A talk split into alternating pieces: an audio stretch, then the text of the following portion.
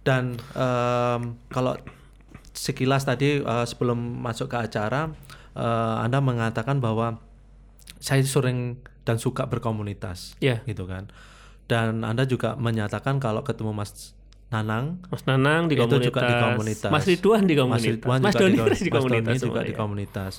Nah, eh, bisa nggak menceritakan ini Ya. eh, sebelum nanti eh, eh, lebih lanjut ya ada Ya. dua dua orang tadi yang Ya. eh, dua big break tadi. Ya.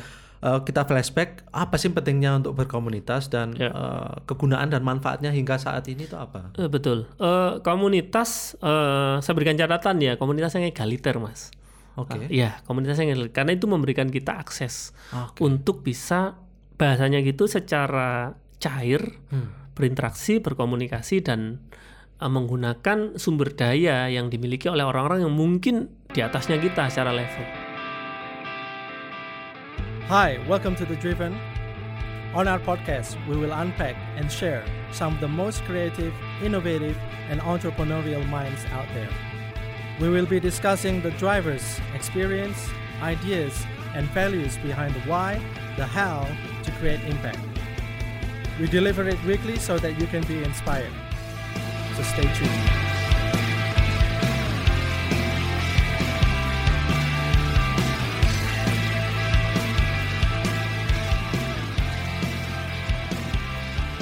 Dan apa kabar semuanya? Uh, kembali lagi bersama The Driven. Kali ini episode Meet the Founder. Kami hadirkan seorang entrepreneur. Ya, dia adalah pelaku bisnis di bidang jasa.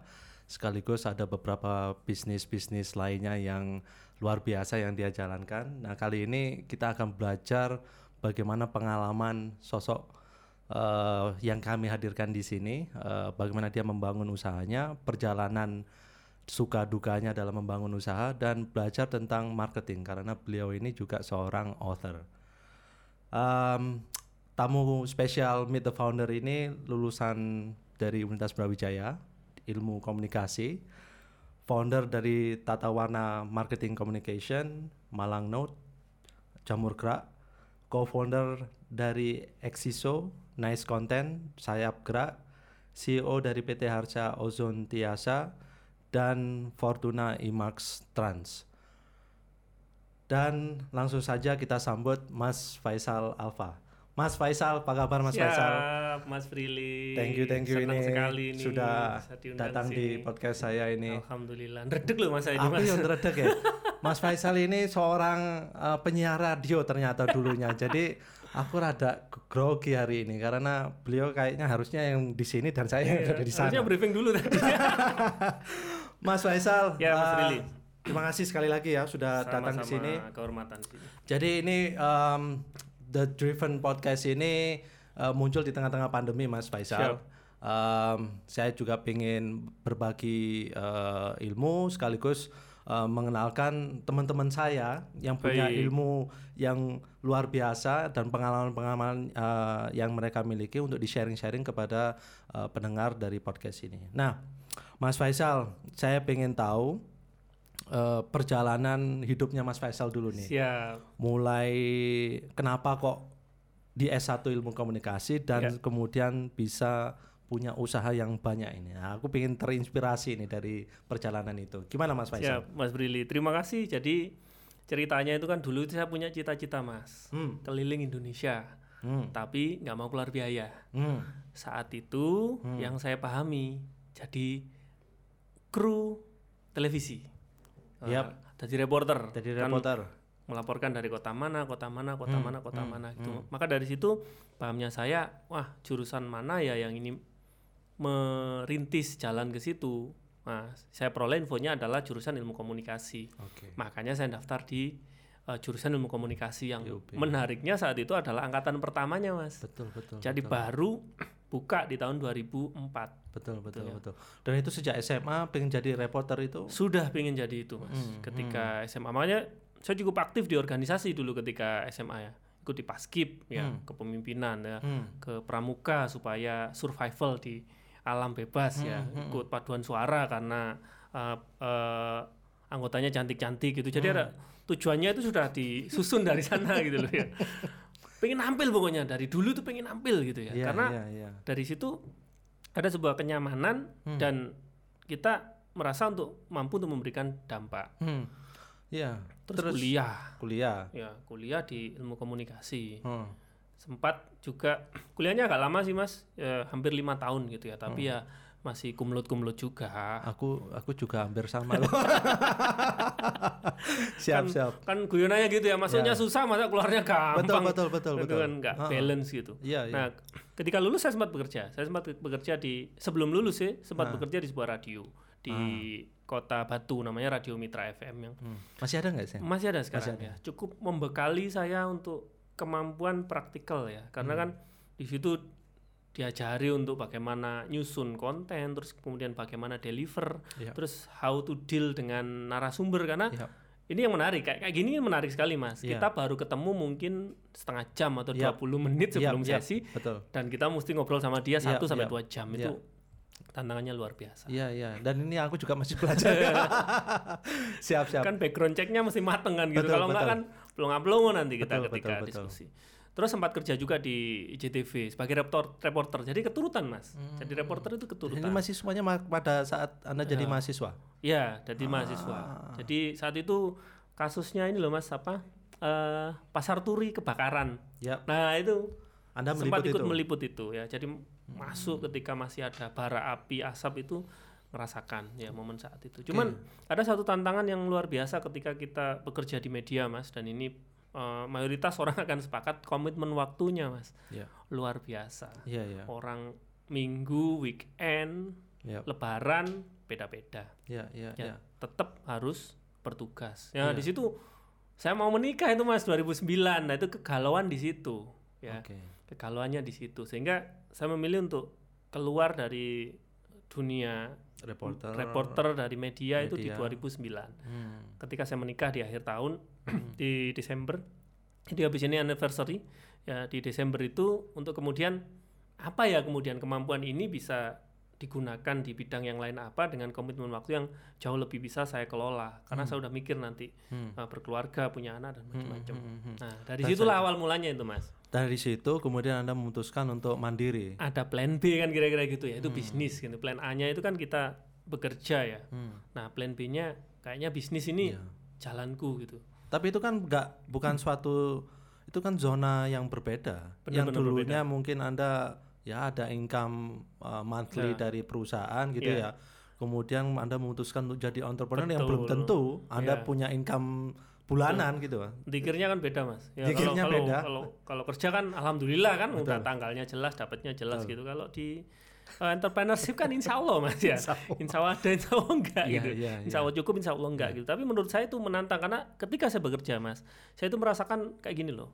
Jadi misalnya saya ini kayak motor balap gitu ya, bisa jalan di angka 150 km per jam kira-kira kayak gitu. Tapi perusahaan kan punya regulasi mas. Hmm. Oke. Lu jalan maksimal 80 km per Iya. jam itu kan geli mas kan gitu. Anda terkengkang sama itu. Iya, itu kan waduh. Nah, Iya, iya, iya, jadi iya. kayaknya memang di situ ada resiko tapi juga di situ ada peluang bahwa kita ini bisa untuk eh, mendorong ya kemampuan ini di Hmm, hmm. Ada orang-orang di sekeliling Anda nggak yang mungkin meng- juga ikut menguatkan Oh, uh, ada. itu? lebih tepatnya meracuni sih mas. Jadi meracuni maksudnya untuk membawa untuk Ah. Menyesatkan ke jalan yang benar ya Ah, ah, untuk entrepreneurship. Jadi Ah. nama yang tiga nama yang menurut saya itu perlu disebut ya. Hmm. Satu jelas Mas Ridwan Abadi. Hmm. karena acara kampus kan saat itu oh ternyata ada jalan yang namanya bisnis ini karena Hmm. Sampai titik itu sebenarnya ya saya mau ngelamar ke perusahaan mana ya sudah itu jalurnya saya ngumpulkan sekian banyak sertifikat ikut Hmm. Iya. berbagai itu kan tujuannya supaya lebih kompetitif kan Iya, iya. ketika diseleksi Punya CV Ya, sehingga bisa melamar di situ. betul Ah, ah. CV itu saya perbarui tiap tiga hari sekali mas wah tambah ininya tambah ininya gitu iya ya. iya. Ridwan Abadi Oke. ya sosok pertama sosok kedua adalah Pak Dr. Imam El Fahmi Oke. karena kan beliau ini kan pendobrak mental sih menurut saya jadi ketika kita ketemu ya ya ya kayak baterai dicas gitu Cas, aja betul, gitu betul. bahwa saat itu eh yang saya ingat gitu ya kamu itu cuma dapat hasil segitu bahasanya kayak gitu ya Hmm, hmm. eman ganteng mule Benar benar benar. gitu ya Ya itu ya itu yang eh, istilahnya membangunkan saya gitu. Oh iya, Iya, iya bener juga gitu. Iya, iya. Memang ada resiko di situ tapi ya apa sih yang nggak beresiko di dunia ini gitu asalkan kita punya eh, mekanisme untuk ngelola. Hmm. Yang ketiga adalah Mas Doni Kris. Mas Doni Kris eh, Malang Serudel banyak membantu secara konkret banyak membantu dalam proses perjalanan Hmm. eh, usaha saya gitu. Saya Hmm, masih ingat di tahun 2000 berapa ya 2017 kali ya. Mobil pertama saya itu saya beli dari Mas Doni Kris. Hmm. Saya beli dari Mas Doni Kris. Iya, iya, Ya, iya. Supaya apa ya? Supaya ketularan apa ya? Sukses. Kalau orang Jawanya itu kena barokai kan Kena barokai. ya. Iya, iya, iya. Tiga sosok yang sangat membantu saya dan mereka merupakan contoh konkret gitu bagaimana memang memilih jalan menjadi entrepreneur ini eh, itu bisa dilakukan. Hmm, hmm. Jadi bukan cuma sebuah wacana. So kalau di apa uh, urutkan Mas, berarti uh, S1 Anda uh, ma- uh, masuk uh, di mana ilmu, Ilmu komunikasi, komunikasi, tadi ya. Anda punya exposure sama dunia broadcasting, Betul. media dan seterusnya. Kemudian um, apakah ada ini Mas, ada kekecewaan tertentu nggak yang Anda alami pada saat Anda masuk di dunia itu sehingga juga itu menjadi trigger anda memutuskan untuk mandiri Oh, itu juga ada nggak oke. kira-kira seperti itu? Justru sebenarnya lebih ke rasa syukur sih sempat untuk masuk ke dunia itu karena Oke. justru jadi bekal. Jadi bekal ya. Iya jadi bekal dan jadi bekal keunggulan. Eh, saat ini saya banyak beraktivitas di dunia marketing mas ya. Hmm. Ini kan menurut saya jadi titik keunggulan yang sangat signifikan karena apa yang paham konsep banyak mas. Hmm. Tapi yang memiliki kemampuan untuk mendeliver Hmm. konsep itu Hmm. secara mudah dicerna. Hmm. Nah itu titik keunggulan yang saya peroleh yang mungkin nggak akan saya dapatkan kalau saya nggak punya bekal Iya, iya, ketika kan ketika kita di dunia media itu kan nggak cuman istilahnya good looking terus kemudian mampu ngomong kan gitu tapi kan ada sebuah proses intelektual kan di situ Iya, iya. menyusun sebuah uh, konten iya. Dan kemudian menyampaikannya secara singkat Iya, karena kalau di, di media kan kita ngomong durasi mas Iya, betul, nah betul. sehingga kita mampu untuk, Untuk lebih mengemas itu ya. Jadi justru karena itu jadikan pengalaman yang Yes. berharga untuk uh, dunia usaha yang kamu Iya. tekuni saat ini. Wow, Oke. interesting. Nah, Mas um, uh, di beberapa episode sebelum-sebelumnya ini kalau boleh saya pakai untuk nge-refresh um, sering kali kalau kita ingin memotivate uh, apa ya uh, calon entrepreneur ya. Misalkan bagi pendengar ini mereka ingin menjadi entrepreneur. Itu kalau mereka hanya belajar dari sukses itu I mean um, it's very easy gitu kan. Betul. tapi the hardship kerja keras failure dan seterusnya. Bisa nggak uh, Mas Faisal menceritakan uh, awal-awal ya. berdiri itu tentu sulit. Iya kan? Tentu betul sulit. sekali ada nggak kesan-kesan apa atau cerita yang menarik yang mungkin uh, Mas Faisal bisa bagikan baik ke kita semua Ada sih di tahun 2010 mungkin masih. Di 2010 itu saya masih ingat betul. Saat itu kan layanan yang kami tawarkan itu kan biasa yang paling mudah ya, yaitu layanan untuk jasa pembuatan website, profil. Saya masih ingat betul waktu itu saya ajak istri saya mas belum punya anak kan. Eh, ada sebuah potensi pekerjaan dari sidoarjo yang nggak jauh juga dari sini, tapi zamannya itu belum ada tol kan. Kami motoran berdua mas, motoran berdua berangkat ke sana nggak langsung ketemu. Jadi ada drama dramanya gitu kan nggak langsung ketemu masih nunggu dulu. Ketemuan ngobrol ngobrol pun itu secara teknis saat itu nggak gitu nyambung gitu ya. Artinya yang dibutuhkan dengan yang Jangan kami provide itu nggak ketemu gitu Iya, kan. iya. kan nyebelin gitu Iya, udah iya. kadung berangkat Iya. pulang masih kehujanan berdua mas. Ya ya ya dan saat itu kami belum mampu untuk beli jas hujan mas karena nggak bawa kan nggak ada skenario hujan. Ya udah kami berteduh ya. Istilahnya bahasa Jawanya ngentang lah ya, Ya, ngentang berapa jam itu nggak deal pula gitu. Ya ya balik. nah dari situ menurut saya itu eh, kesan yang sangat apa ya. ngena gitu ya. Saat sangat ngena bahwa ternyata ini bukan hanya masalah kemampuan menjual menurut saya. Tapi bagaimana kita itu mampu untuk market fit Hmm. dengan siapa yang mau kita tawarin gitu. Artinya kalau kalau saat itu misal waktu ditarik mundur dan saya belajar lebih dalam gitu untuk mengidentifikasi kebutuhannya orang bisa jadi saya nggak perlu berangkat kok ke sidoarjo saat itu kalau memang udah tahu jadi nggak kemerungsung Hmm, ya, ya, Cuman ini kan rookie mistake ya. Rookie mistake itu setiap peluang wes hajar wes. Wong kita ini juga masih belum jadi apa-apa. Iya iya iya iya. Nah itu kayak pengalaman juga pernah saya alami juga gitu. Kehujanan. Eh, Kan- nyari kan klien. ngenes banget itu, Ngenes ya banget gitu kan. ya. Tapi I think um, proses itu memang harus siap Betul, dilalui oleh semua betul. orang Kan nggak cuma Mas. diceritakan kayak gini Betul. bisa membayangkan juga, tapi ketika ngalami sendiri, betul wah beda sekali. Betul. Intensitasnya berbeda. betul dan uh, grit dan integrity uh, terhadap your that passion itu benar-benar teruji di situ kan nantinya Betul. gitu kan nah em, ini coba mas ceritakan usahanya sekarang Iya. ini apa aja Iya. Nah, uh, tadi sempat di belakang tadi menjelaskan ada beberapa company Siap. em, dan ini menarik mayoritasnya semuanya di jasa ini Di jasa, Di jasa. 100% di jasa. di jasa dan ah, ya coba mas ceritakan mas Siap.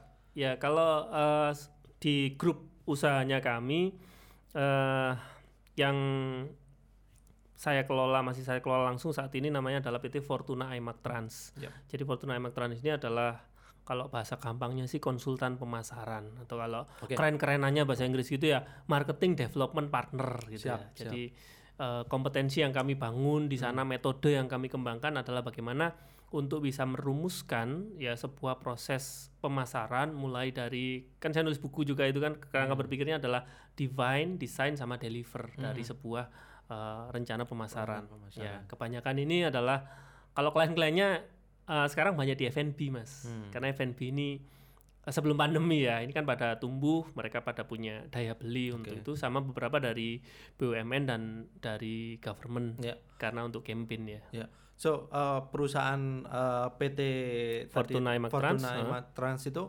um, uh, apakah uh, is it like a from idea and then from day one kamu eksekusi Ya. atau ini ada proses evolusi? Oh, evolusinya luar biasa ya. nah, itu itu gimana? Itu ada nggak? Ya, awalnya sih dari kan struktur perusahaannya sekarang ada empat ya mas. Jadi ada IMAX ini di atas, terus kemudian ada kami punya sebuah divisi namanya adalah Nice Content. Ini adalah konten kreator atau production house. Terus kemudian ada Exiso, ini adalah search engine marketing dan ada Tata Warna marketing communication yang ini banyak di eh, sosial media marketing. Jadi embrionya sebenarnya dari Tata Warna justru dulu. Oke. Karena eh, saya punya teman-teman di yang jago di bidang desain, Hmm. jago di bidang bikin website hal-hal kayak gitu. Hmm. yang ini awalnya kami gandeng. Hmm. Jadi ya lu yang bikin saya yang jualan gitu ya, saya yang jualan karena mereka ini kan rata-rata adalah orang-orang yang agak-agak freak kan gitu tuh. Teman saya ini lebih nyaman ngobrol sama komputer daripada ngobrol sama manusia gitu. Iya, iya, Diajak meeting sama klien aja nggak mau ya udah kamu aja nanti Iya, iya, iya. apa revisi opo tak kerjain gitu. Itu pun kan ritme waktunya juga kebalikan mas. Iya. Orang tidur dia begadang ya, Hmm. orang kerja dia malah tidur gitu. Hmm, hmm, hmm. Itu awalnya di situ. Cuman dulu awalnya di lingkup kampus mas. Oke. Karena saya berangkatnya dari kampus ya. Program-program ini loh mas mahasiswa wirausaha kayak gitu. Karena Iya. di titik se- sebelum saya lulus itu ada keinginan itu justru lagi kuat-kuatnya dan ada program itu. Jadi kayak pas nyari pas ada gitu loh. Hmm. Karena kalau kita ngomong tentang eh, memulainya dengan modal ya tetap perlu modal nggak bisa modal dengkul gitu ya ya, ya itu nggak bisa tetap perlu modal kebetulan ini modalnya dikasih sama Kata Dikti kan gitu. Iya, iya. masuk di situ nah di kampus ini kerjaannya banyak mas tapi kan sifatnya tidak bisa sangat komersial gitu. Yang pesan juga masih temen-temen juga gitu. Hmm, terus yang order juga masih dosen-dosen juga. Masa dicas tinggi kualat kita kan gitu. Kita udah diajarin ini minta Iya, iya, tolong iya. kan kira-kira Iya, gitu. iya. dari situ geser ke kemudian tumbuh kesadaran bahwa oh duit ada di corporate. Karena corporate kan memang kebutuhannya kor- komersial Betul, gitu ya. betul, meskipun kami juga mesti mengupgrade kemampuan kan. Karena ini kalau kalau di kampus ini kan lebih banyak ke visual aspek ya. Hmm. Tapi kalau di komersial aspek kan mereka ngomongnya adalah dampak Hmm. ya Impact. Ya, impactnya apa Dari- ini ketika ya. di, di di treatment dengan berbeda seperti itu. Jadi kami meningkatkan eh, kompetensi di situ. Kalau bahasanya gitu, yo kemudian jadi ada matrix-matrix Hmm. atau KPI-nya atau indikatornya tentang treatment sebelum, treatment sesudah dan kemudian impact yang Nah, diperoleh ini, apa. ini menarik karena em, kenapa saya tanyakan karena ternyata eh, usahanya Mas Faisal ini justru berangkat berawal dari eh, kompetisi eh, dari Wirausaha, kampus, wirausaha ya. dari kampus ya. Eh, dan mengalami evolusi dari situ gitu. Betul. Yang awalnya cuma mengerjakan slide Slide presentasi, Presentasi. betul. untuk untuk tugas ya, itu. untuk ya? tugas, Untuk untuk, tugas. presentasi tugas, untuk dosen ngajar. dosen ngajar Betul. gitu kan ya. Lalu berubah eh, berevolusi menjadi eh, untuk pembuatan company profile. company profile untuk perusahaan-perusahaan dan Company sekarang punya berapa ada empat subdivisi Ada atau subdivisi.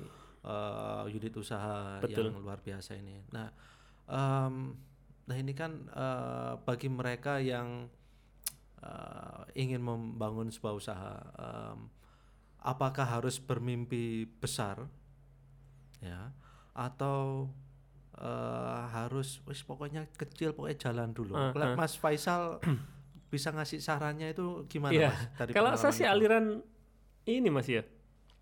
Yang penting halal dalam menghasilkan dulu sih menurut Hmm. saya karena di saat itu kan saya buru-buru ya belum belum dalam konteks meyakinkan orang tua atau calon istri kan Hmm. saat itu yang saya yakinkan adalah dua partner saya ini tadi.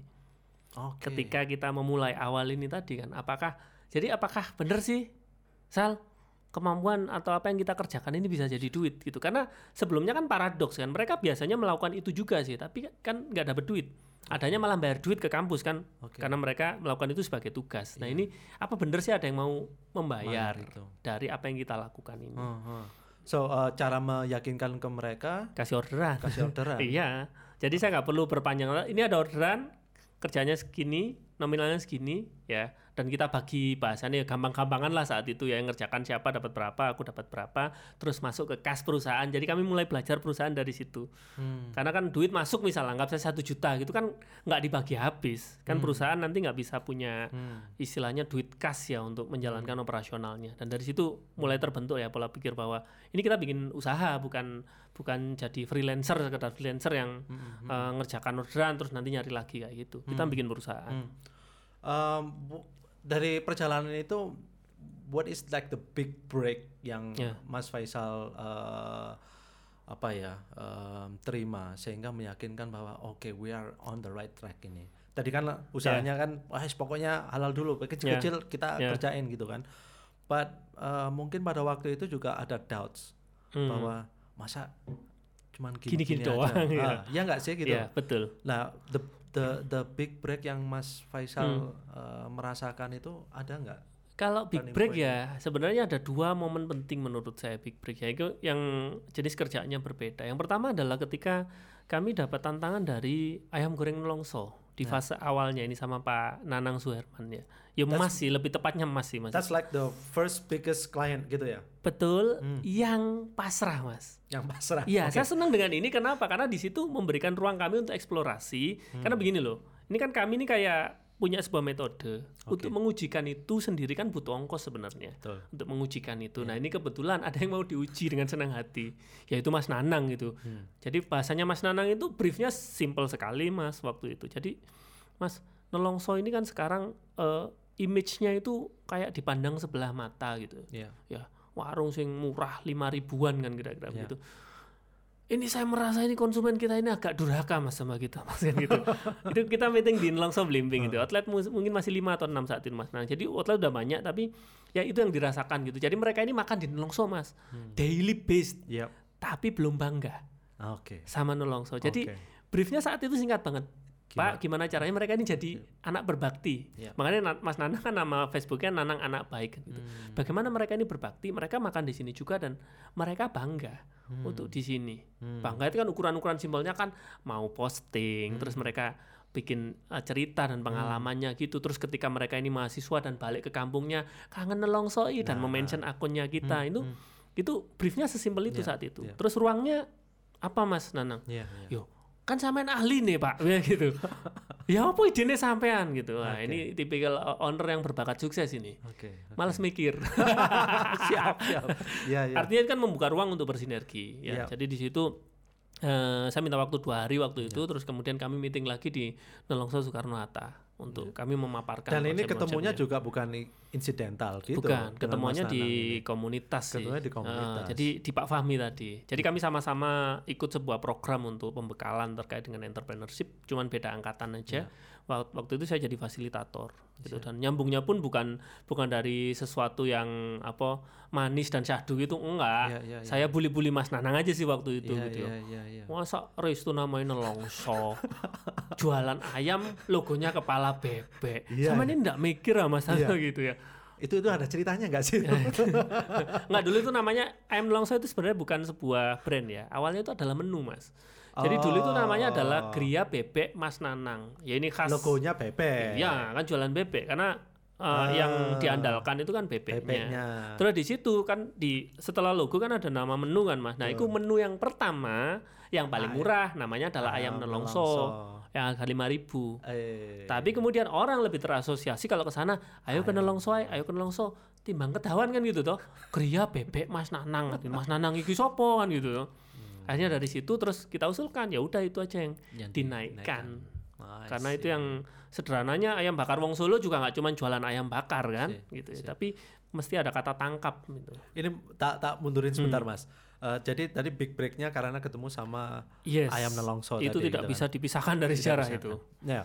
And I think uh, most entrepreneurs uh, out there ya uh, suksesnya itu ya karena ada uh, that moment uh, di mana mereka mampu mengambil uh, apa namanya uh, that opportunity gitu Yes. kan. Dan um, kalau sekilas tadi uh, sebelum masuk ke acara uh, Anda mengatakan bahwa saya sering dan suka berkomunitas Ya, gitu kan. Dan Anda juga menyatakan kalau ketemu Mas Nanang Mas Nanang di Itu komunitas, juga di komunitas. Mas Ridwan di Mas komunitas, Ridwan Mas juga Doni di, di, Mas komunitas Doni juga semua, di komunitas. Nah, eh, bisa nggak menceritakan ini Ya. eh, sebelum nanti eh, eh, lebih lanjut ya? Ada Ya. dua dua orang tadi yang Ya. eh, dua big break tadi. Ya. Eh, kita flashback apa sih pentingnya untuk berkomunitas dan Ya. eh, kegunaan dan manfaatnya hingga saat ini itu apa? Eh, betul. Eh, komunitas, eh, saya berikan catatan ya, komunitas yang egaliter, Mas. Oke. Iya, komunitas yang egaliter. Karena itu memberikan kita akses Oke. untuk bisa bahasanya gitu secara cair Hmm. berinteraksi, berkomunikasi dan menggunakan sumber daya yang dimiliki oleh orang-orang yang mungkin di atasnya kita secara level. Itu Hmm. saya rasakan betul. Jadi kayak kayak kayak gini loh, Mas.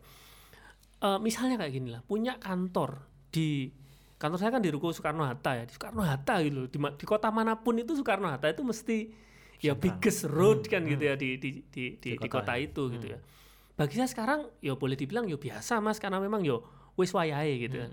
Tapi ketika itu terjadi 12 tahun yang lalu, saya sekitar 12 tahun lah sampai sekarang di dunia marketing. Loh itu istimewa Mas. Iya. And that's happen. Iya. Kantor pertama saya itu di Ruko Soekarno Hatta, Jalan Soekarno Hatta nomor 7, Mas. Hmm. Di mana itu, Mas? Depannya Poltek. Hmm. Perusahaan startup. Anggotanya tiga orang.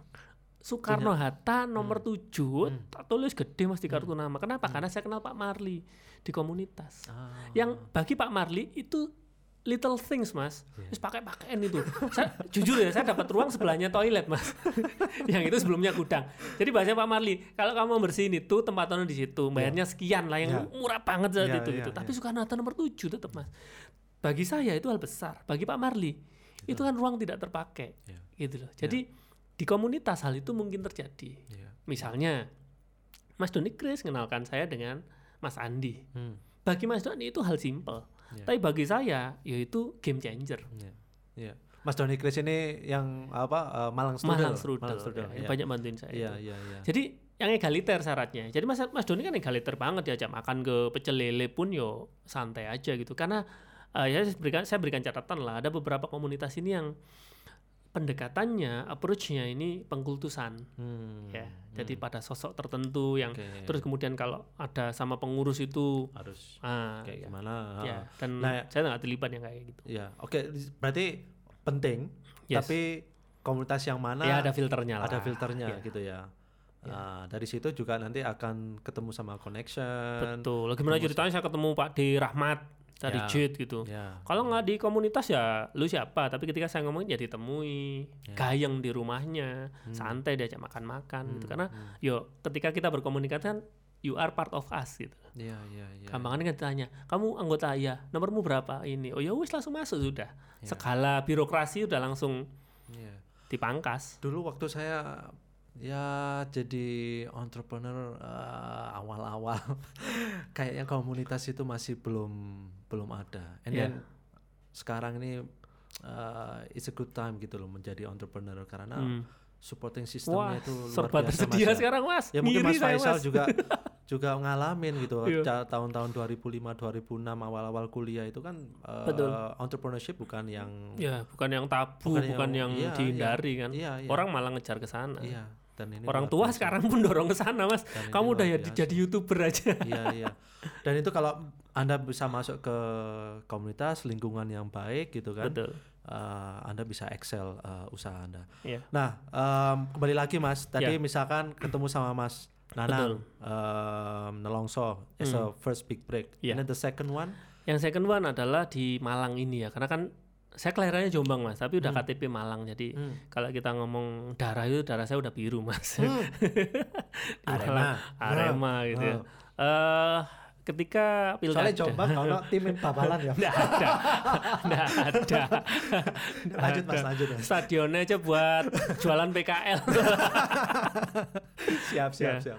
Tapi yang bekal kesolehan saya dari Jombang mas. Oh, iya, iya, benar, benar, Di benar. kawal pondok kan di sana. Benar, benar. Gitu. Jadi yang kedua adalah ketika pilkada Malang mas, karena eh, wali kota yang sekarang menjabat ya Hmm. Pak Sutiaji, kebetulan di fase itu eh, kami terlibat di dalam sebuah proses untuk penyusunan istilah apa ya gitu ya isu manajemen gitu ya isu manajemen karena posisi saat itu kan underdog. Kita sama-sama tahu lah di Malang gitu ya masih ada incumbent terus kemudian ada penantang terus kemudian juga dan ini Hmm. penantang yang serius-serius gitu. Hmm. ya dan ini posisinya underdog sebenarnya. Posisinya underdog Oke. karena kan bukan dari parpol ya, Ya, jadi s- banyak faktor itu tidak mendukung ke arah sana. Tapi eh, saya terlibat saya diskusi dengan Pak Sutiaji terus kemudian dengan beberapa tim yang di bawahnya dan open mind untuk terbuka menerima ide-ide kita. Jadi ini bukan lagi kan sekarang di era sosmed ini ya bukan lagi zamannya sesuatu yang pencitraan kan? Hmm. jadi saat itu yang Zamannya saya- apa sekarang Mas? eh, sesuatu yang sifatnya adalah otentik mas yang Otentik sifatnya ya? adalah otentik Justru gitu ya. malah yang dibuat-buat itu Betul, ya capek juga bagi si si si kandidat ini. Jadi otentik. Jadi tugas awal yang saat itu saya bedah itu adalah, yo apa ini DNA-nya dari beliau ini. Oke. Dan ketemu kan saat itu DNA-nya adalah apa? Ini adalah eh, ustadz ya ya ya yang siap mengemban amanah menjadi wali kota. ya ya ya ya. Goalnya di situ. Makanya program-program kita buat adalah, yo ya kesehariannya beliau gitu. Maksudnya ini mau jadi wali kota mau enggak itu khutbah Jumat selalu ngisi memang mas. Iya iya Dia betul betul. selalu ngisi pengajian artinya kita tidak membawa sesuatu yang di luarnya itu Oke. nah itu yang kita- kemudian kita kemas dan termasuk dari di antara ya. kandidat yang yang paling ya paling well Ya, managed ya, lah ya ya, secara media sosial sampai sekarang juga lah di Instagramnya kemudian di YouTube-nya itu juga uh, well managed karena apa ya memang ada ada ada tim yang memang dedicated Oke. untuk anu ngehandle itu gitu untuk sebuah ukurannya pejabat publik ya Ya. itu So, very well apa eh, ilmu yang eh, anda miliki marketing communication Hmm. di bidang itu it doesn't only work Nah, itu yang kenapa saya masukkan di gitu, tapi juga politik itu Iya. juga ternyata kenapa saya masukkan di big break? Karena itu saya sendiri pun juga apa ya sama ya, gitu kan? Ya, ya, karena ya. itu kan playing field yang baru kan. Yang beda. Apa yang sama? Apa hal yang sama ya? Ternyata, ternyata yo Bisa. kalau nalar berpikirnya sama, tetap sama. Jadi audiensnya siapa? Eh sorry, targetnya dulu. Targetnya apa? Audiensnya siapa? Dari situ kita baru rancang program. Jadi kita nggak berhalusinasi gitu loh mas. Hmm, hmm. Ya memang based on target sesuai relate sama apa tipe audiens yang memang kita Hmm. mau sasar and it works. Nah, eh, kembali lagi ke usahanya Mas Faisal. Ya. Em, so that's the big break. Kemudian ini ada beberapa subdivisi dan juga ada other companies juga Mas Ya. Faisal yang eh, jalani sekarang. Anda bagi waktunya itu gimana Mas? Skill apa yang harus dimaster Mas? Kalau misalkan Oke, I have, eh, apa misalkan mereka ada yang punya satu usaha misalkan, then ya. mau mereplikasi atau mau menumbuhkan atau mau bikin usaha baru. Ya, Ini trik- triknya apa, Mas? Eh, filosofi pohon sih mas. Jadi kalau pohon itu kan ada batang, ada dahan, ada ranting. Nah itu mudahnya kayak gitu. Jadi yang kita handle adalah batangnya. Karena batang ini kan istilahnya yang jadi penopang utamanya kan. Misalnya kalau saya sekarang mungkin most of the time ini ngurusi di iMarks. Oke. karena itu adalah istilahnya batang, Batang utama dari pohon. Terus kemudian ada dahan, dahan, dahan. Dahannya sekarang kebetulan ada tiga kalau basis jasa ya. Hmm. Yang pertama namanya adalah Nice Content tadi Ya. yang uh, production house. Terus ada Exiso ya search engine marketing services. Terus yang satunya adalah Tata Warna yang social media marketing uh, dan communication. Hmm, hmm. Ada produk ada, makanya kan di situ dicantum ya Hmm. sayap gerak meskipun Ya. udah tutup semua mas ya kena Ya. pandemi ditutup Ya, oleh ya. pandemi. Tapi itu kan batang yang lain juga gitu. Oke. Tapi bukan bu- eh sorry dahan bukan batang pohonnya, batang pohonnya tetap IMAX. Tetap Jadi IMAX gitu. kompetensi inti yang kami bangun ya memang di bidang marketing, marketing communication. Nah, bagi waktunya sebenarnya lebih tepatnya yang saya lakukan bukan bagi waktunya tapi bagi orangnya mas. Kalau ini ilmu dari mas Doni Chris jadi bagaimana kita ini jangan terlalu berambisi menjadi owner ya.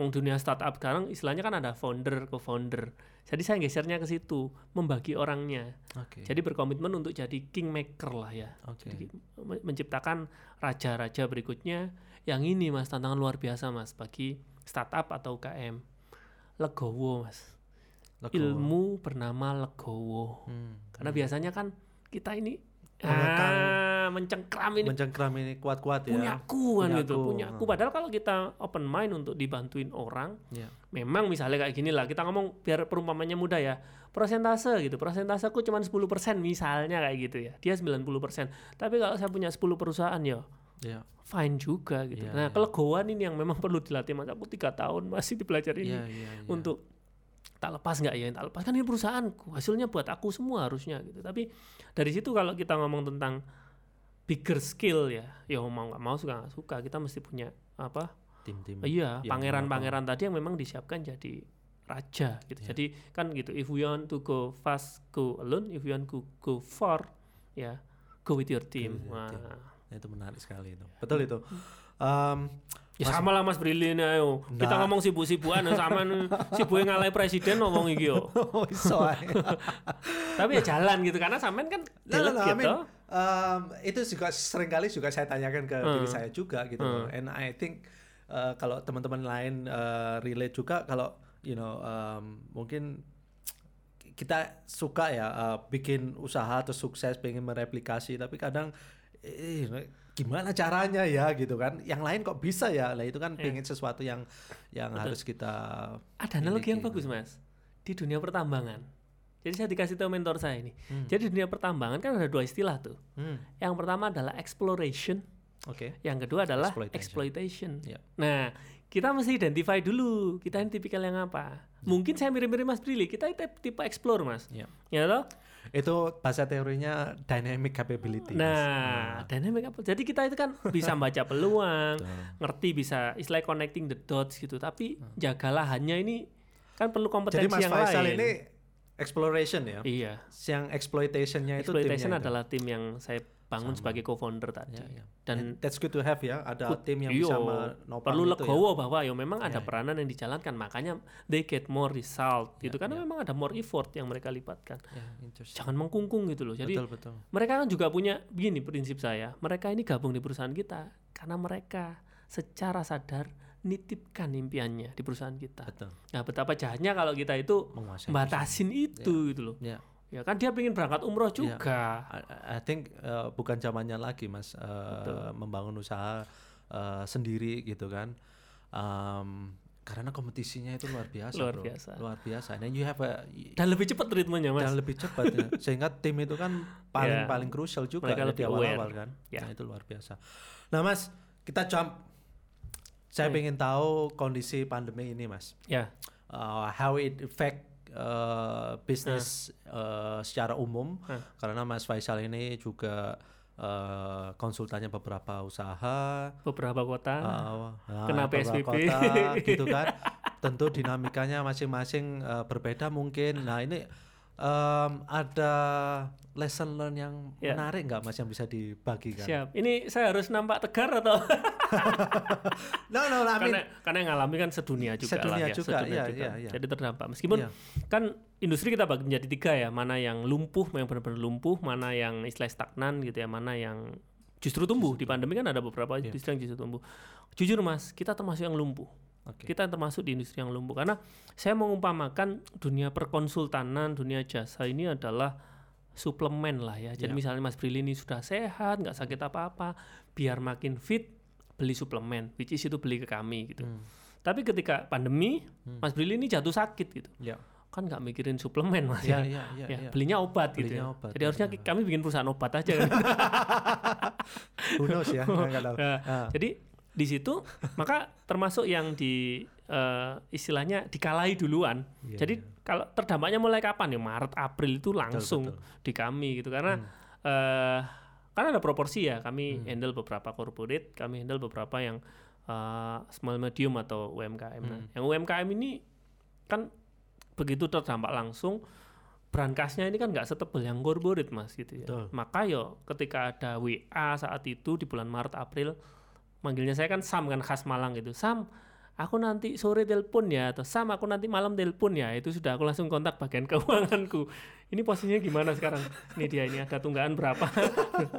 Karena arahnya pasti ke situ mas. Telepon Sam, Assalamualaikum sorry yo ini Iya, iya, ah, kita harus nutup empat outlet bla bla bla bla bla. Iya. Pilihannya kan dua kan dia saat itu, penyesuaian layanan atau istilah kami jeda layanan atau suspend. Jadi no work no pay. Kami nggak ngehandle beberapa urusannya dia untuk sekian bulan dan dia nggak perlu bayar. Iya, iya. Atau ada yang penyesuaian layanan. Jadi kayak buku menu lah. Sebelumnya dia ambil paket combo, ini cuma ambil fries sama coke-nya kira-kira kayak gitu. Dan itu langsung mas di bulan Maret dan April. Hmm, hmm. Nah, sehingga dari situ dari bagaimana kami deal with that gitu. Iya. Kami bikin matrix Mas waktu itu. Kami bikin matrix. Aku diajari Mas Andi sih ini, Mas Andi Singosari. Jadi Mas Andi ini bikin yang dua apa nih variabelnya itu, dua Oke. variabelnya itu adalah waktu sama uh, duit. Oke. Jadi kita bikin empat tabel yang waktunya dikit, duitnya dikit, waktunya dikit, duitnya banyak gitu. Hmm. Oke, oke. Eh, matriks dua kali dua itu. Nah dari situ kami memutuskan untuk melakukan penyesuaian-penyesuaian ke yang mana yang eh, waktunya dikit Waktunya dan dikit. duitnya dikit. Karena ini isunya adalah bagaimana supaya muter dulu mas. Karena aku ya alhamdulillah mas pandemi ini kami tidak mem- mem- memberhentikan Hmm. satu orang pun gitu. Luar biasa. Tapi tak ajak meeting, Hmm. ya. Teman-teman sudah tahu karena di kami juga transparansi juga. Semua orang sekantor tahu omset berapa dan Ya. kita udah tahu semua kayak gitu. Tak paparkan di papan masing-masing divisi kan. Ya. Karena ada IMAX yang paling terdampak. Ya. IMAX paling terdampak. Nice content malah naik Ah, karena orang dipaksa digital kan. ya. Dipaksa dijualnya digital kan. Nice content malah naik. Hmm. Exiso malah naik. Hmm. Tata warna malah naik. Hmm. Karena orang yang sebelumnya IG-nya nggak keurus ya aktif. sekarang ya mau nggak Mau mau, mau. dia mulai ke situ. Nah dari situ tak paparkan dan situasinya ya gini gimana kalau kita selang-seling atau apa kan opsinya banyak tuh waktu itu kan dan di situlah kepemimpinan kita diuji kan. Nah saat itu keputusan yang kita ambil bersama ya persentase. Jadi misalnya biasanya kita dapat omset misalnya 300 juta misalnya kayak gitu ya. Sekarang cuma jadi 100 juta.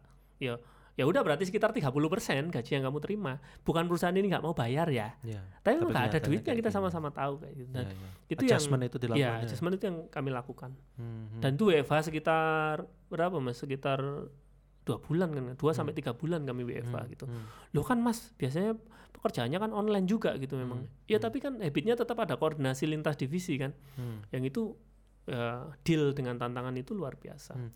Kalau kayak eh, masa-masa yang sulit seperti ini, apa ya indikator-indikator yang paling penting eh, untuk usaha sekarang itu Hmm. apa, Mas? Eh, yang Kalau misalkan omset itu kemudian nggak bisa jadi, ya eh, I mean, you know, Betul. financial betul. indicator kan selalu yang utama lah pasti. Tapi Ya. kalau misalkan itu nggak bisa, Mas. Kami turunkan di bawahnya. Jadi setelah omset kita kita kemudian pecah namanya pilar pemasukan, Mas. Jadi kalau omset kita bayangkan tandon, pilar pemasukan ini adalah pipa yang mengisi tandon itu. Nah, kami mapping ulang pipanya itu dan eh, menjajaki opsi untuk menambah pipa yang tetap relate dengan kemampuan yang kami miliki saat ini. Berarti That's why di pandemi kayak gini, kami launching buku, Mas. Ah, Kemarin tanggal 10 kan kita kita nyari tanggal cantiknya aja sih 10 10, 2020 kan. 2020. Ya, itu karena apa? Ya karena pandemi. Hmm. Kan resourcesnya ada, tapi kan idle. Idle itu yang kemudian kita buatkan pipa yang baru, buku. Karena apa? Orang duitnya tetap ada kok, tapi jumlahnya mungkin Hmm, hmm, hmm. berkurang. Jadi mereka pakai layanan kita misalnya yang yang yang paling basic lah sekitar 5 jutaan gitu kayak gitu. Nggak afford ya 100 ribu, 200 ribu Buku masih mampu lah kira-kira kayak gitu. Karena eh, kebutuhan untuk itu tetap ada sih. Nah, tinggal bagaimana kita melakukan adjustment di pilarnya Hmm. supaya Iya. kompensasinya itu ada. Kreativitas kayak gitu munculnya dari siapa? Ya karena kepepet bos. ya karena berangkat dari apa sih kompetensi inti yang kita miliki. Makanya ini menjadi penting. apa itu enggak uh, jujur ya itu Hmm. semuanya di drive sama Mas Faisal atau organisasinya Mas Faisal sendiri yang Ah, kami biasa brainstorming. Jadi gini mas, kalau di kami unik, kami nggak nggak nggak meetingnya nggak berdasarkan hari, tapi berdasarkan tanggal. Jadi kami terinspirasi dari Ramadan mas. Ramadan kan ada 10 hari pertama, 10 hari kedua, 10 hari ketiga. kan. Bagi kami itu lebih rasional untuk bagi eh, apa ya, ritme, ritme kerja. kerja, Karena kan pas itu. kan mesti 10 harian kan. Satu bulan kan kalau nggak 29, 30, 31 sekitar itu kan. Nah, kami meeting berarti di tanggal 1, terus di tanggal 11 sama di tanggal 21. Nah, ketika meeting itu itu sifatnya lengkap.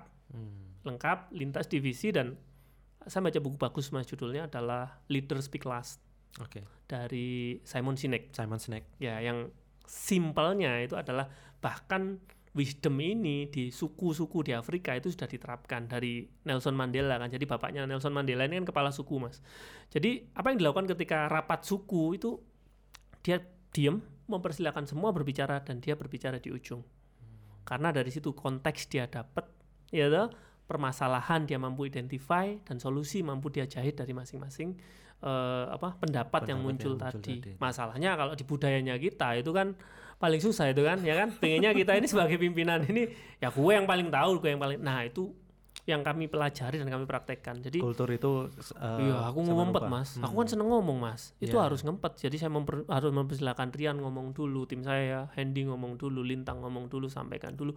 Tapi dari situ justru solusi yang di provide itu jadi solusi cerdas gitu loh mas. Iya, iya, iya. Ya, kayak kayak kita yang pinter kan gitu. Iya, kan iya. enggak bahannya mereka supply. Iya, iya. Ini beda kalau kita ngomong duluan, ada konteks Ada yang kita urgensi, lewatkan, betul. malah kita kelihatan bodoh mas. Iya, iya, iya. Wah situasinya kayak Oh, gitu kan oke, mereka oke. protes. Iya, iya. Padahal kita memang nggak tahu itu. Iya, iya, iya. Nah, munculnya ide-ide itu sebenarnya dari situ. Jadi kita punya kayak gini, kita Iya, punya iya. kayak gini, termasuk beberapa hal sih kayak gini. Pak, kan kita punya paket konsultasi ya, yang yang harganya 5 jutaan gitu misalnya ya. Kenapa kenapa nggak kita pakai juga Pak konsultasi tapi pakai Zoom? Hmm. Ongkosnya jadi satu juta kak. Hmm. Kan kita juga nggak usah perlu berangkat ke sana dan Betul, betul. loh. Malah laris mas kayak kacang goreng mas. Iya, iya, iya. Karena orang tetap butuh tapi tadi daya belinya agak shrinking ya Iya, gitu. iya, iya, iya. Itu It's dari okay. tim, yang muncul dari tim. Wah, luar biasa ini. Kita belajar banyak kali ini. Nggak cuma marketing tapi juga ada aspek leadership tadi uh, disampaikan. Lu nanti di ujung ada tausiah juga mas. Ah. bisa sampai satu jam lagi nanti nambahnya ini luar biasa. Mas Faisal, em, ini mendekat eh, ke akhir sesi siap. podcast kita. Siap. Em, aku pengen bahas tentang ini, Mas. Nah, tell me about the book. Jadi Ya. ini ada 3D marketing tiga langkah agar bisnis eksis dan laris. Ya. Nah, kalau tadi disampaikan ada 3D itu ada define, Defining, defining, ya, uh, designing, designing sama dan delivering. delivering. Nah. Nah, bisa cerita singkat mas, Siap. gimana mas buku? Ya, ini saya tulis di 2017 mas. Itu di zaman-zaman saya. Saya itu kan kalau guyonannya orang dulu namanya jarum super. Ya. Jarang di rumah suka pergi. Karena 10 provinsi loh mas. Nggak nggak dimarahin sama istrinya. ya ATM-nya dia yang bawa. oh Mas. iya.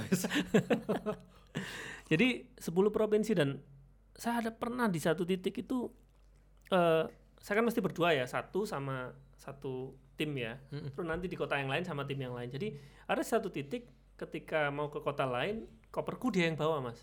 Dia Oke. bawa balik ke Malang. Terus aku ke kota yang kedua misalnya gitu, timku yang lain bawa koperku lain gitu ya. Sampai kayak gitu. Jadi aku di Malang mungkin cuman sekitar 7 sampai 10 hari. Nah, itu kan ada waktu idle yang Eh itu karena mimpi kamu yang Iya, itu, kan? terwujud tapi dari Ter- jalan yang lain kan lain. Keliling Indonesia. Jadi tak mapping Mas kemarin. Iya. Indonesia itu ada sekitar 514 kota ya. Oke. Itu sepertiganya aku udah berbicara Mas. Masya Allah. Sepertiganya. Luar Sampai kota-kota Sangata, Palopo yang mungkin sama nggak ngerti gitu di mana gitu ya. Itu sempat Pernah. ke sana itu, ke Donggala, ke eh, Bulukumba, jadi kota-kota sing iku neng di Iya. bahkan sebelum disurvei jadi ibu kota yang baru, saya itu udah nyampe di Penajam Pasar Utara, Mas di sana. Nah, di situ kan banyak waktu idle, Mas. Misalnya, penerbangan saat itu hanya dari Surabaya. Hmm. Udah dua jam, Mas. Hmm. Travel kan. Hmm. Di bandara paling nggak dua jam Nunggu lagi. Hmm. Flight itu sekitar satu jam, satu Ya. seperempat jam. Ya. Nah, itu yang saya manfaatkan untuk nulis ini, Mas. Oke. Ini 100% ditulis pakai smartphone. Ya. Jadi pakai aplikasi Notes. tapi itu. sebelum bahas isinya, Hmm. tapi apa entrepreneur Hmm. kemudian jadi author ya, korelasinya di mana ini? kartu nama. ini jadi kartu nama. Gitu ya? Iya, jadi kartu nama. Jadi sebenarnya kalau kita biasanya kasih kartu nama yang eh, cetak itu ya dikasihkan ke orang, ini ya some kind of that kan. Jadi Faisal Alfa itu siapa? Ada di sini gitu. Dan ini adalah menurut saya demokratisasi ilmu sih buku itu, demokratisasi ilmu. Seperti podcast ini juga kan bahwa ada banyak cara kita belajar cuman effort sama ongkosnya beda-beda kan. Iya, Misalnya ini podcastnya nanti orang lihat gratis ya sama juga kan tetap ada kuota bos Yap. kan masalah effort sama juga ini masih 100 200 ribu orang masih beli Ya, tapi ya. itu jauh lebih terjangkau misalnya kayak gini mas saya bikin acara di Surabaya misalnya Hmm. bayarnya sekian juta gitu satu hari Hmm. itu kan effort yang luar biasa bagi teman di Medan Betul. dia harus pesawat dulu dan Ah. macam-macam gitu. Hmm. Nah, ini menurut saya upaya itu juga gitu ya. Oke, oke, oke. Nah, Terus eh, dari situ ketika saya nulis, saya mikir begini, orang belajar marketing itu kan bukan pingin jadi pakar marketing kan mas, Betul. ya enggak? Bukan jadi bukan kemudian nulis buku kemudian juga kayak saya kan. Jadi mereka ini belajar marketingnya karena mereka memang dry, Ya, mereka memang dry betul. tentang marketing dan Hmm. pingin sesuatu yang Hmm. aplikatif gitu, yang Hmm. praktikal gitu. Hmm. Maka dari konsep yang kompleks itu saya sederhanakan supaya apa? Hmm, Tujuannya kan paham, bukan makin bingung gitu, bukan Hmm. malah diribetkan dengan istilah kan gitu. Hmm, hmm, Nah, hmm. lahirlah konsep 3D marketing ini yang kebetulan itu menurut saya maknanya itu nyambung gitu loh. Tiga dimensi itu kan berarti bisa dilihat 360 derajat kan Hmm. gitu. Tapi di sisi lain juga memang relate dengan poin pembahasannya itu memang terdiri dari tiga huruf D gitu. ya. Hmm. Yang pertama adalah kita defining. Hmm. Defining itu apa? Defining targetnya apa? Oke. Terus kemudian tipe konsumen idealnya siapa? Jadi yang di defining itu dua hal ini. Targetnya apa sih gitu? Dan itu harus yang pertama, yang Iyo. harus dikuasai. Iya, karena dari situ tujuan menentukan upaya, Mas. Misalnya tadi Mas Brili ngomong, Mas kita ngerekam podcast di mana? Di Singapura gitu misalnya. Ya saya siapkan paspor dulu, Mas. Ya, ya. Nggak sekedar ini tadi mandi, set set set set ya pakai pomade ke sini gitu. Rumah deket juga di belakang sini kan.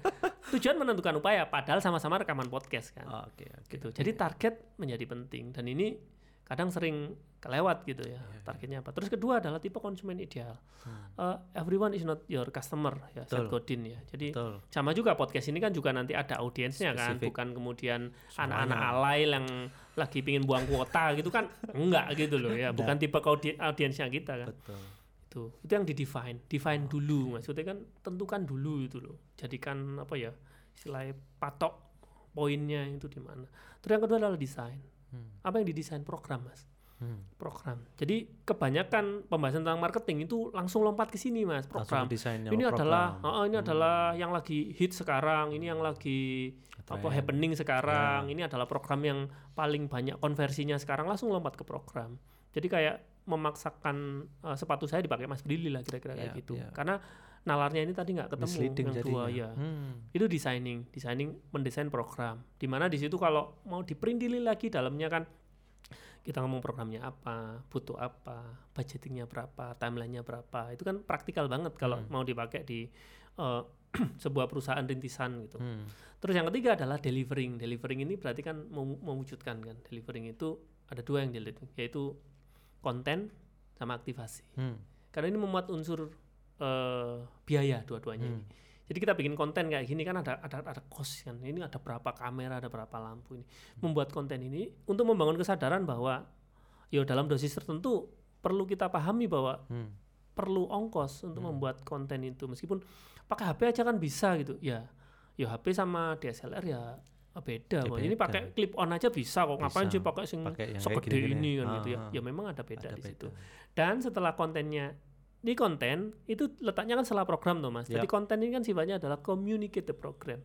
Oke. Kalau nggak ada programnya, Apa kadang langsung lompat di konten mas. Misalnya gini, kita punya fotografer lah misal di Malang mas Dodi Bening ya. Ya. Mas aku bikinkan foto yang bagus. Betul. Kalau nggak ada briefnya, Hmm. apa sih yang mau dikomunikasikan ya nggak? Hmm. Ini Mas Brili yang parlente gitu misalnya. Yo kan nggak pas lagi putih gini rambutnya kan begitu yo. Yang lagi pas hitam pakai jas. Hmm. Karena memang program yang mau dikomunikasikan dalam Mas Seperti ini itu. adalah parlente, Hmm. intelek ya Hmm, yang hmm. gitu. Ya, ya. Tapi Mas Brili yang fun, smart casual, ini yang bener. yang eh. casual, yang smart enggak? Ngaku dewe jebule. ya, konten. Jadi konten ini based on brief toh. Briefnya ada di Siap. program. Program berdasarkan apa? Tadi konsumenmu siapa? Ah. Konsumen siapa? Yang memang mampu mencapai target. Jadi runtut gitu loh. Nalarnya sambung dulu gitu. Siap. Dan terakhir adalah kita bicara tentang akti- aktivasi. Karena konten sebagus apa pun. Misalnya nih podcast ini udah jadi. Tapi kalau nggak kita sebar-sebarin yo. Ya. Yo kita kita sendiri yang nonton Yang kan nonton. paling nanti siapa Helmi. Helmi yang nonton Hel Ya. tonton sampai seribu kali supaya nanti apa view-nya dapat kan gitu Ya, ya, ya. aktivasi karena biasanya gagal di sini juga Betul, Ya, betul. ini rangkaian jadi Dan- dan ini- deliver It works for untuk siapa, Mas? Is it for uh, ada apa uh, sektor UKM Ya. tertentu kah atau semuanya kah? Is it only for online kah atau offline juga Hmm. kah? Gimana, Mas? kalau studi kasus yang banyak termuat di sini ya karena kan ini. saya paling gampang kan cerita kan itu ya di bisnis F&B mas karena Gitu banyak ya? di situ Hmm. terus dan pandemi ini kan termasuk yang tumbuh kalau mau jujur F&B Iya gitu. iya karena iya mereka yang nggak apa pun begitu yang terjadi manusia tidak akan berhenti makan gitu ya betul. lu mau pandemi mau krisis nuklir mau apa orang tetap makan kok Iya gitu. harus. jadi di bisnis F&B Iya iya iya. Oke. atau yang B2C karena Atau kalau yang B2B B2C. model bisnisnya kan lain lagi mas kalau Ya. B2B kan sampean perlu negosiasi. Ya. tapi kalau B2C kan how to attract the attention terus kemudian dapat eh crowdnya dan kemudian dari situ taruhannya di produk nanti produkmu bahasanya apa ngangeni apa enggak gitu setelah mampu kita datangkan orang karena biasanya kadang lompat di situ mas Siap. Eh, jago mampu dapat datengin crowd tapi sebenarnya masih adalah masalah besar di produk ya nggak balik juga orang ya kan fenomena grand opening yang Iya. datang ratusan, Ratusan ribuan orang. orang, ya Iya. dan tiga bulan lagi grand closing Iya iya iya. iya. produknya masih PR itu itu ironis itu kayak ruame terus ternyata habis itu iki kayak winannya ono tuku wis saiki gak ono it was Iya. sempat ada siap siap nah oke jadi bagi teman-teman semua yang eh, punya usaha di bidang F&B ya, atau in general B2C company B2C, lah betul. ya eh, dan anda pengen gak ribet-ribet belajar tentang marketing ini saya sarankan ini eh, anda baca 3D 3D marketing. marketing. Nah, mungkin nanti juga eh, anu Mas, coba nanti kita bikin giveaway juga Mas. oh siap. Boleh. Berapa buku? Dua tiga buku? Lima buku lah. ada lima buku lah nanti ya. salah nawari saya tadi Ah, dari Mas Faisal nanti. Siap. Nanti em, eh, bisa diinfokan di Instagramnya apa namanya Iya, Driven betul. Nanti. Nah, Mas em, sungguh luar biasa ini ilmunya. kasih Saya yang berterima kasih Sama-sama. dan eh, senang sekali ya Mas Faisal bisa mampir hari ini dan sharing-sharing eh, cerita perjalanannya, kemudian eh, pengalamannya. Em, saya ingat sama pertanyaannya Mas Faisal tadi sebelum masuk ini, kenapa kok eh, Mas Billy pengen jadi dosen, padahal entrepreneur Hmm. padahal ini gitu kan? modenya ini Ya. mestinya entrepreneur ya. ada ada ini mas ada eh, guru bukan guru ya eh, senior saya di kampus eh, yang mengatakan kalau eh, ilmu itu akan selamanya gitu kan eh, dicatat sebagai amalan soleh mas nah harapannya eh, kita berbagi-bagi ilmu ini eh, hari Ya, ini mas ya, Faisal datang ke sini itu ya dalam Jadi rangka itu ini ya. jadi amal jariah gitu kan Insya Allah dan uh, bukan semata-mata ya, kita tergerak karena ada financial rewardnya di situ, betul tapi sekali ada aspek-aspek lain. Nah justru saya uh, senang sekali karena kembali lagi menginspirasi saya entrepreneur ini ya juga why not bikin buku gitu loh. Jadi bisa menginspirasi yang lainnya juga Betul, gitu. betul. Luar biasa. So terima kasih Mas Faisal signing out for today and until we meet again, see you. Wassalamualaikum warahmatullahi wabarakatuh.